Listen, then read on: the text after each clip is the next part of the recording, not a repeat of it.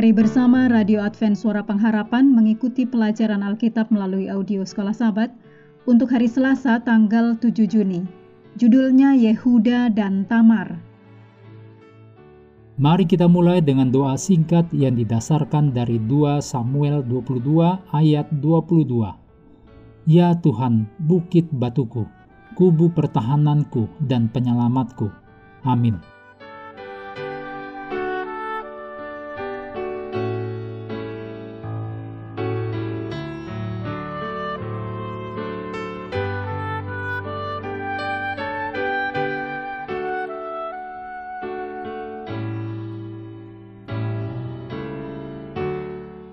Kisah tentang Tamar tidak keluar dari konteks cerita di sini.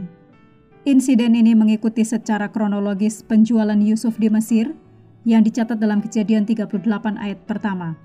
Dan ini konsisten dengan fakta bahwa Yehuda baru saja meninggalkan saudara-saudaranya yang menunjukkan ketidaksetujuannya dengan mereka.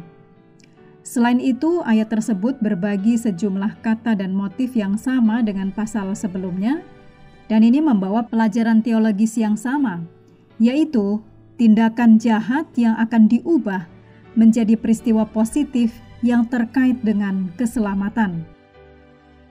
Bacalah kejadian pasal 38. Bandingkan perilaku Yehuda dengan Tamar orang Kanaan itu. Siapa di antara keduanya yang lebih saleh dan mengapa? Yehuda mengambil seorang istri Kanaan, dicatat dalam kejadian 38 ayat 2. Dengan siapa ia memiliki tiga anak laki-laki, yaitu Er, Onan, dan Shelah. Yehuda mengambil Tamar orang Kanaan untuk menjadi istri Er anak sulungnya, supaya memastikan silsilah yang tepat. Ketika Er dan Onan dibunuh oleh Tuhan karena kejahatan mereka, Yehuda menjanjikan anak terakhirnya yaitu Shelah kepada Tamar. Ketika setelah beberapa waktu, Yehuda tampaknya telah melupakan janjinya. Saat dia pergi untuk menghibur dirinya sendiri setelah kematian istrinya, Tamar memutuskan untuk berperan sebagai pelacur untuk memaksa Yehuda memenuhi janjinya. Karena Yehuda tidak punya uang untuk membayar pelacur itu yang tidak dia kenal, dia berjanji untuk mengiriminya nanti seekor kambing dari kawanannya. Sementara itu Tamar mensyaratkan agar Yehuda memberikan sebagai jaminan pembayaran cap meterai, kalung, dan tongkat Yehuda. Tamar hamil sebagai hasil dari pertemuan yang unik tersebut. Ketika kemudian dituduh sebagai pelacur, Tamar menunjukkan kepada penuduh, yaitu Yehuda, cap meterai, kalung, dan tongkatnya sendiri.